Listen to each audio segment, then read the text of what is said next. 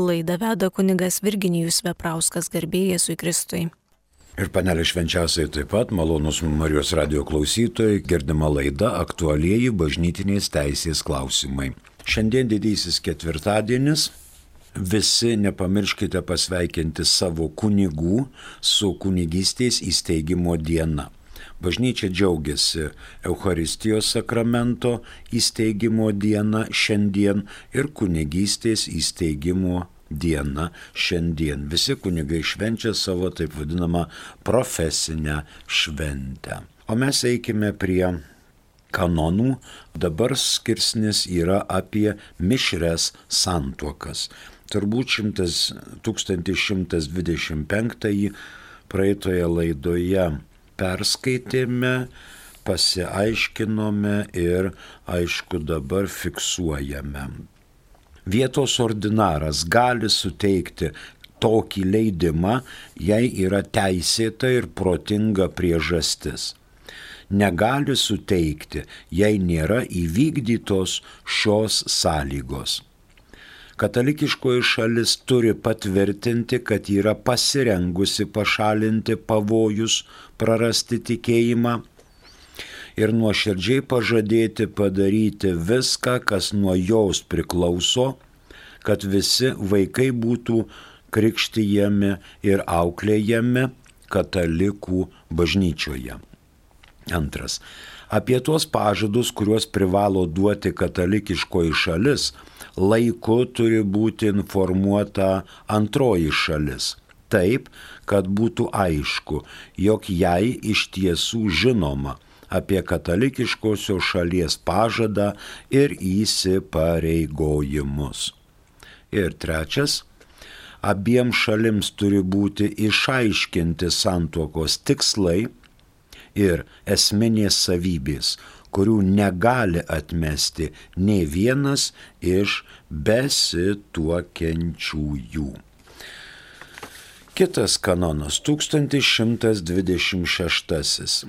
Vyskupų konferencijai priklauso tiek nustatyti būdą, kaip privalo būti padaryti tokie visuomet reikalaujami pareiškimai ir pažadai, tiek nurodyti, kaip jie būtų paliudėjami išorinėje srityje ir kaip būtų informuojama nekatalikiškoji šalis. Taigi 1126 kelia reikalavimus vyskupų konferencijoms dalinės teisės srityje.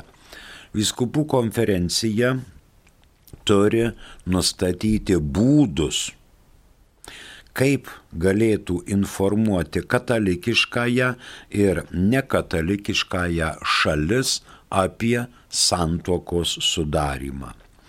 Leistinumui 1917 metais tą normino 1061 kanonas, bet tai nebuvo galiojimui. Ypač jei šiuo atveju nekatalikiška šalis yra pakrikštyta.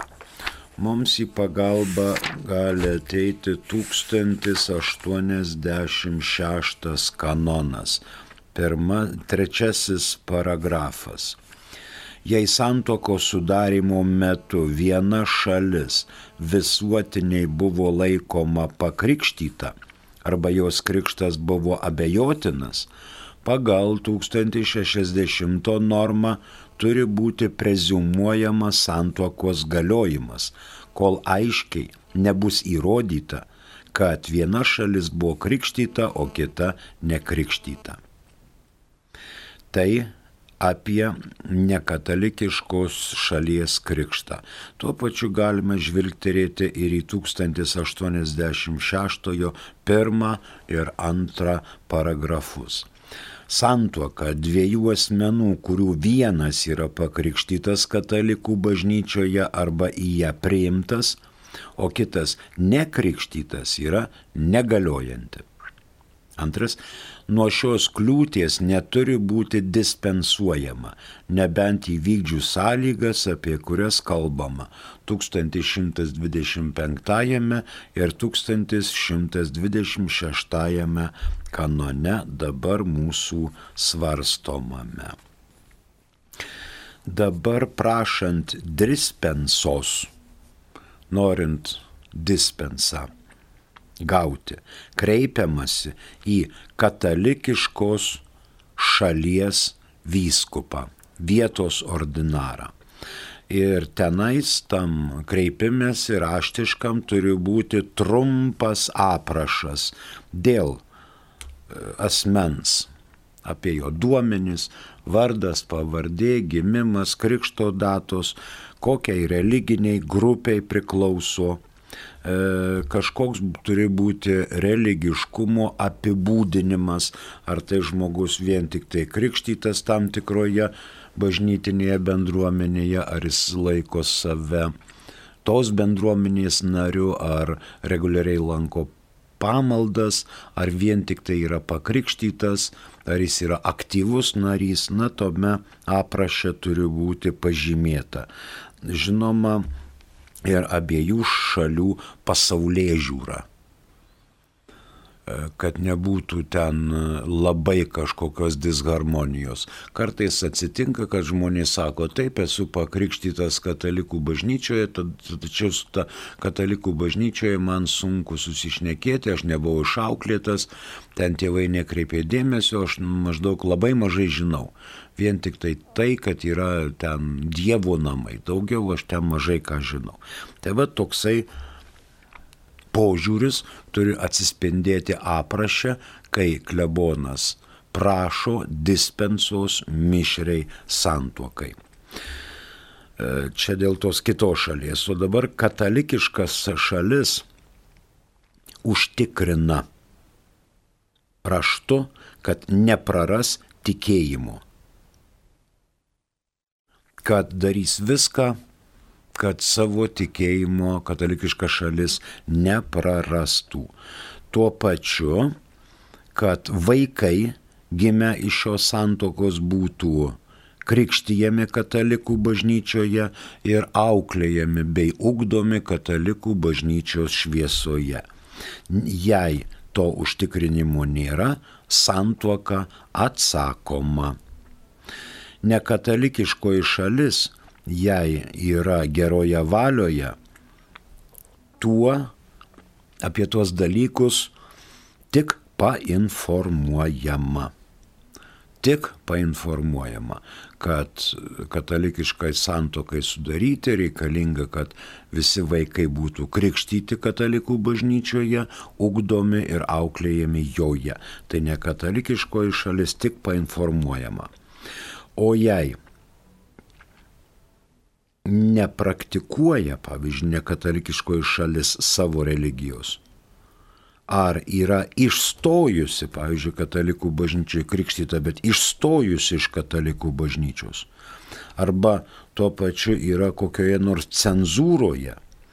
Tai dar dviejų liudininkų akivaizdoje raštu pasirašo, kad netrukdys katalikiškai šaliai auklė, krikštyti vaikus, auklėti ir ugdyti vaikus katalikų tikėjime. Taip vadinama nekatalikiška šalis, jeigu nepraktikuoja, yra išstojusi iš katalikų bažnyčios arba yra kokios nors bausmės būklėje. Tada dviejų liudininkų akivaizdoje raštu pasižada, kad netrukdys šitų dalykų vykdyti. Rytų kanonuose 1126 atitikmuo yra 815. 1126 fiksuojame. Vyskupų konferencijai priklauso tiek nustatyti būdą, kaip privalo būti padaryti tokie visuomet reikalaujami pareiškimai ir pažadai, tiek nurodyti, kaip jie būtų paliudijami išorinėje srityje ir kaip būtų informuojama nekatalikiškoji šalis. Toliau 1127 kanonas turi tris paragrafus. Dėl formos taikomos mišriai santuokai turi būti laikomasi 1108 kanono nuostatų. Tačiau, jei katalikiškoji šalis sudaro santuoką su nekatalikiškąją rytų apieigų šalimi, kanoninė celebravimo forma reikalaujama tik teisėtumui galiojimui reikalaujama išventintojo tarnautojo dalyvavimo laikantis kitų teisės reikalavimų. Antrasis. Jei dideli sunkumai trukdo laikytis kanoninės formos, katalikiškosios šalies vietos ordinaras atskirais atvejais turi teisę nuo jos dispensuoti tačiau atsiklausęs vietos, kurioje celebruojama santuoka ordinaro ir galiojimui išlaikydamas bent kokią viešą celebravimo formą. Vyskupų konferencijai priklauso nustatyti normas, pagal kurias dėl vienodų priežasčių būtų suteikiama minėtoji dispensa. Ir Trečiasis - draudžiama, kad tiek prieš kanoninį celebravimą pagal pirmojo paragrafo normą, tiek po jo įvyktų kitas tos pačios santokos religinis celebravimas, pareiškiant ar atnaujinant santuokinį sutikimą. Taip pat neturi būti religinio celebravimo kai asistuojantis katalikas ir tarnautojas nekatalikas, kiekvienas atlikdamas savo apeigas drauge prašytų šalių sutikimo. Taigi 1127. Čia nurodoma laikytis 1109-8 kanono. Štai jisai dėl mišrių santokų. Galiojančios yra tik tos santokos, kurios sudaromos asistuojančio vietos ordinaro arba klebono arba kurio nors iš jų deleguoto kunigo arba diakono, taip pat dviejų liudininkų akivaizdoje. Tačiau pagal taisyklės aprašytas žemiau išdėstytuose kanonuose ir laikantis išimčių nurodytų 144 bei 1112 bei 1116 bei 1127. Antrasis asistuojančių santuokai suprantamas tik tas, kuris dalyvauja ir prašo besituokiančiųjų pareikšti sutikimą ir jį priima bažnyčios vardu. Tai šis kanonas dėl santuokų. Tokios dvi yra normos. Dėl mišrių santokų. Visų pirma, norint užtikti, užtikrinti religinę laisvę, kad kito tikėjimo asmuo nebūtų verčiamas pereiti į katalikų bažnyčią. Jis gali būti, kad norės pereiti į katalikų bažnyčią, tačiau verčiamas pereiti į katalikų bažnyčią jis tikrai nėra. Ir dabar antra mintis dėl to, kad santokos sakramentas mišrioje santokoje turėtų būti pripažįstamas rytų nekatalikų bažnyčioje. Vienoj, kitoj, 21. Kad būtų pripažįstamas rytų bažnyčiose neturinčiose bendros vienybės su Romos popiežiumi. Dabar dėl kataliko santuokos su nekataliku, išskyrus pravoslavų bažnyčią, tai kaip žinia mes laikomės ir žiūrime į 1108 kanoną. O dėl kataliko santokos su pravoslavu kanoninė forma yra naudojama tik leistinumui, bet ne galiojimui. Galiojimui užtenka asistuojančio santokai vyskupo, kunigo arba diakono. 207 pirmas paragrafas mums ateina į pagalbą.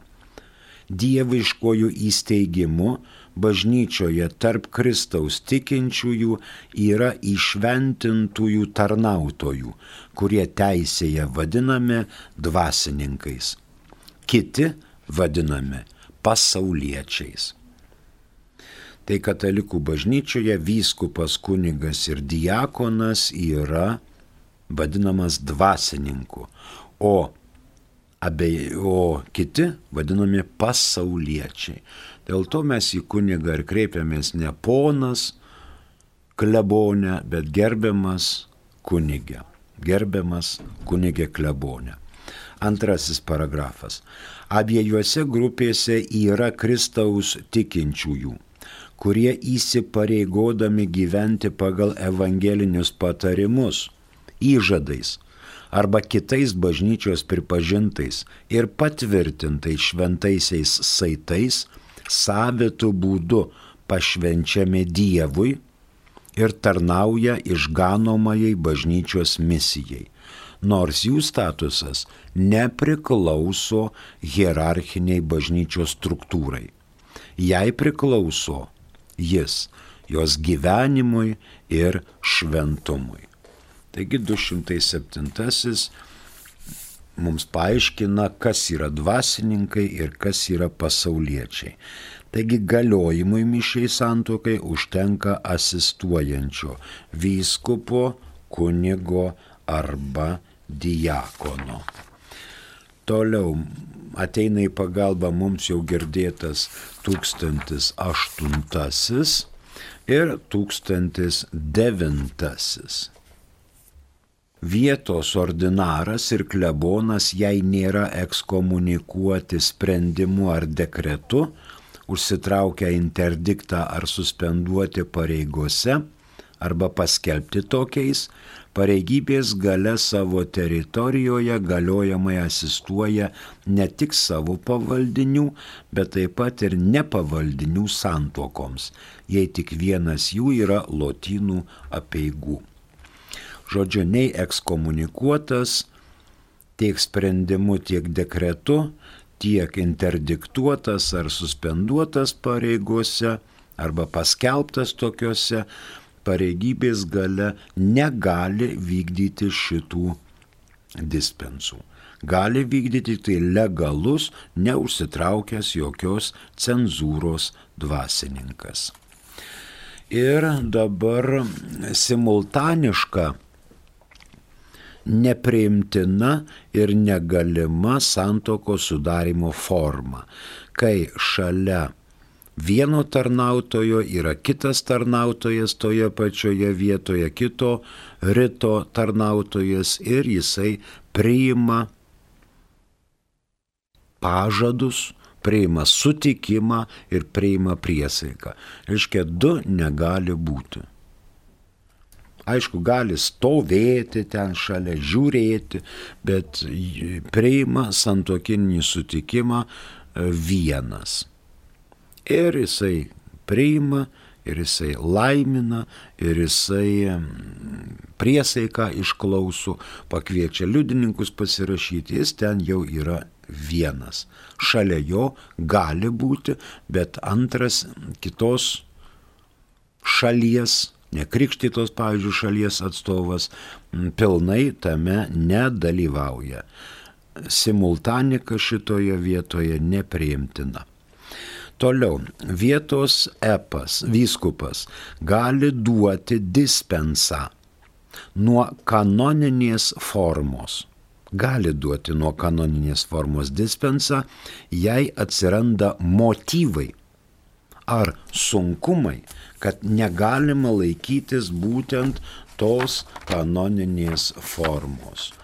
Mums į pagalbą ateina kanonas numeris 90, pirmas paragrafas. Neturi būti dispensuojama nuo bažnytinio įstatymo be pateisinamos ir protingos priežasties, neatsižvelgus į atvejo aplinkybės bei įstatymo, nuo kurio dispensuojama svarba.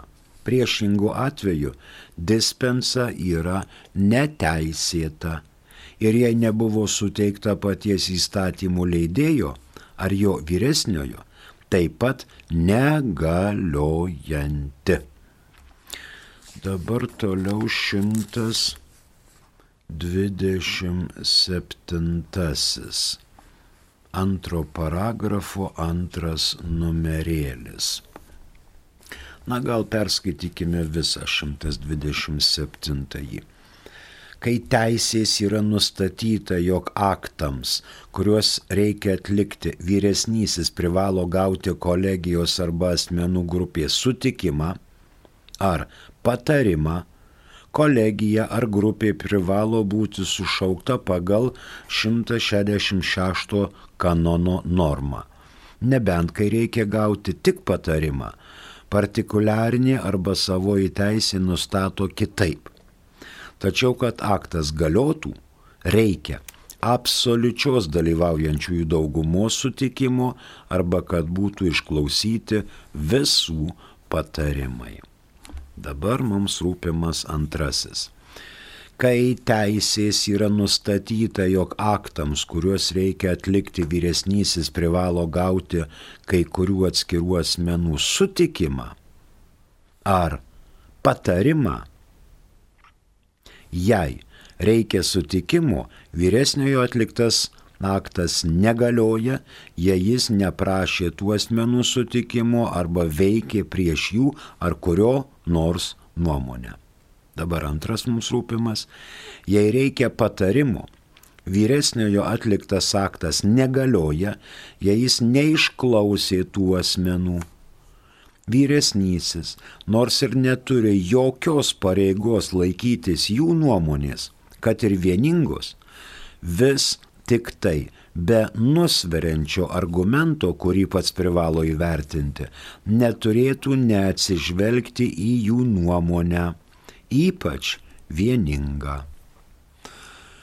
Tai čia dėl patarimo, nu dar trečiam, visi, kurių prašoma sutikimo ar patarimo, įpareigojami nuoširdžiai pareikšti savo nuomonę ir jei reikalo svarba reikalauja, tvirtai saugoti paslaptį. Be to, vyresnysis gali reikalauti šios pareigos laikytis. Tai tokie yra dėl motyvų, kurie gali atsirasti duodant dispensą nuo kanoninės formos. Ir paskutinė mintis prie 1128 yra ši. Šalia dispensos nuo kanoninės formos, kad jinai būtų galiojanti ta dispensa, šalys privalo naudoti kokią nors viešą santuokos sudarimo formą ar tai civilinę, ar tai religinę, ar tai įstatymų numatyta, ar tai paprotinę. Jeigu duodama dispensa nuo kanoninės formos, tai turi būti pristatyta kažkokia, kuri yra įsigaliojusi, teisinė, paprotinė, kaip girdėjote. Tada vyskupas duoda mielai dispensą ir sutinka, kad tokia santoko sudarimo forma galiotų. Mus pasiekė SMS žinutė, prašom. Garbėzui Kristui, kiek esu girdėjus, yra devyni kriterijai, kuriais remiantis bažnytinis tribunolas pripažįsta santuoką negaliojančią. Gal galėtumėte trumpai juos išvardinti? Ačiū už atsakymą Vilma iš Kauno. Ačiū Vilma už klausimą. Nemanau, kad devyni kriterijai, galbūt yra 99 išvardinti negalėtumėm, nes mums reikia jau e, baigti laidą. Išseko laikas, nes prieš šešias reikia baigti iš Marijampolės nuo palaiminto arkivyskupo Jurgio Matulaičio bus transliuojamos mišios didžiojo ketvirtadienio pamaldos. Tai mes baigsim neatsakę. O dabar dabar matot, norint rašyti prašymą dėl santokos negaliojimo, reikia ieškoti ne to devynios ar 99 priežastys, bet reikia pirmiausia žiūrėti į mano gyvenimą, kaip aš susidūriau ir kokias aš laikau tas svarbes priežastis. O kiekvienas žmogus, kuris jau nori rašyti prašymą, patekęs į bažnytinį teismą, gauna formuliarą. Tai yra patarimus, į kuriuos atsakius bažnytinis teismas greičiausiai priims jūsų prašymą. Bet ten jau yra paruošti dalykai ir šitie dalykai Vilma yra apmastyti. Jeigu jie mm, pasitvirtina, teismas sako gerai, priimam jūsų prašymą. Ir pasikonsultuokit su e, parapijos klebonu, kaip tą prašymą produktyviau parašyti, kad būtų argumentuotas ir motivuotas. E, taip, turime same žinutę. Labadiena, ar suaugusiojo vyro krikšto mama vėliau gali būti jo žmona ir priimti santokos sakramentą. Vyrui 40 metų. Taip, gali vyrui 40 metų, o moteriai tada įdomu kiek. Moteriai tada turėtų būti bent 50 kokie 6 metai. Iš principo gali, tik reikia žiūrėti dar tokių niuansų, kad tai ne, neįsivestų svainystės kliūtis.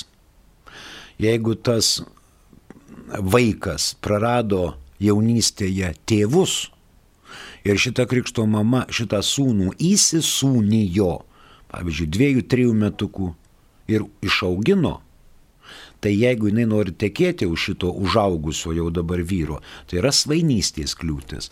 Na, yra visokių tokių mechanizmų, kuriuos aš negaliu taip pasakyti, taip gali, taip negali. Iš principo taip gali, bet jeigu atsakome į visus kitus klausimus, tuokiantis kunigas privalo užmesti akį į abu, abiejų asmenų gyvenimo būdą ir pasižiūrėti, kasgi ten pas juos dėjosi, ar tai jaunystėje, ar nėra kitų kliūčių. O šiaip tai iš principo žinoma gali. Brangieji, šitą kanoną, na gal dar spėsime užfiksuoti, kaip girdėjot, paprotinę įstatymų numatyta civilinė religinė, mm, religinės teisės numatyta santuokinė forma. Rytų kanonuose pirmąjį paragrafą atitinka 834 pirmas antras, rytų kanonuose antro paragrafo atitikmens nėra, o rytų kanonuose trečią paragrafą atitinka 839 kanonas. 1127 fiksuojame. Jeigu kilo kokiu klausimu, siūskit, galbūt kitoje laidoje atsiras ir mes šnektelėsim. 1127. Pirmas. Dėl formos taikomos mišriai santuokai turi būti laikomasi 1108 kanono nuostatų. Tačiau jei katalikiškoji šalis sudaro santuoką su nekatalikiškąją rytų apieigų šalimi, kanoninė celebravimo forma reikalaujama tik teisėtumui. Galiojimui reikalaujama išventintojo tarnautojo dalyvavimo, laikantis kitų teisės reikalavimų. Antrasis. Jei dideli sunkumai trukdo laikytis kanoninės formos, Katalikiškosios šalies vietos ordinaras atskirais atvejais turi teisę nuo jos dispensuoti. Tačiau atsiklausus vietos, kurioje celebruojama santuoka ordinaro ir galiojimui išlaikydamas bent kokią viešą celebravimo formą. Vyskupų konferencijai priklauso nustatyti normas, pagal kurias dėl vienodų priežasčių būtų suteikiama minėtoji dispensa. Ir trečiasis - draudžiama kad tiek prieš kanoninį celebravimą pagal pirmojo normą, tiek po jo įvyktų kitas tos pačios santokos religinis celebravimas, pareiškiant ir atnaujinant santokinį sutikimą. Taip pat neturi būti religinio celebravimo, kai asistuojantis katalikas ir tarnautojas nekatalikas, kiekvienas atlikdamas savo apeigas drauge prašytų šalių sutikimo. Laidą baigėme. Sveikinkit, kurie dar nesuspėjote savuosius kunigus. Šiandien yra Eucharisijos įsteigimo diena ir kunigystės įsteigimo diena. Šviesių Velykų jums visiems. Prie mikrofono dirbo kunigas Virginijus Veprauskas. Ačiū ir sudė.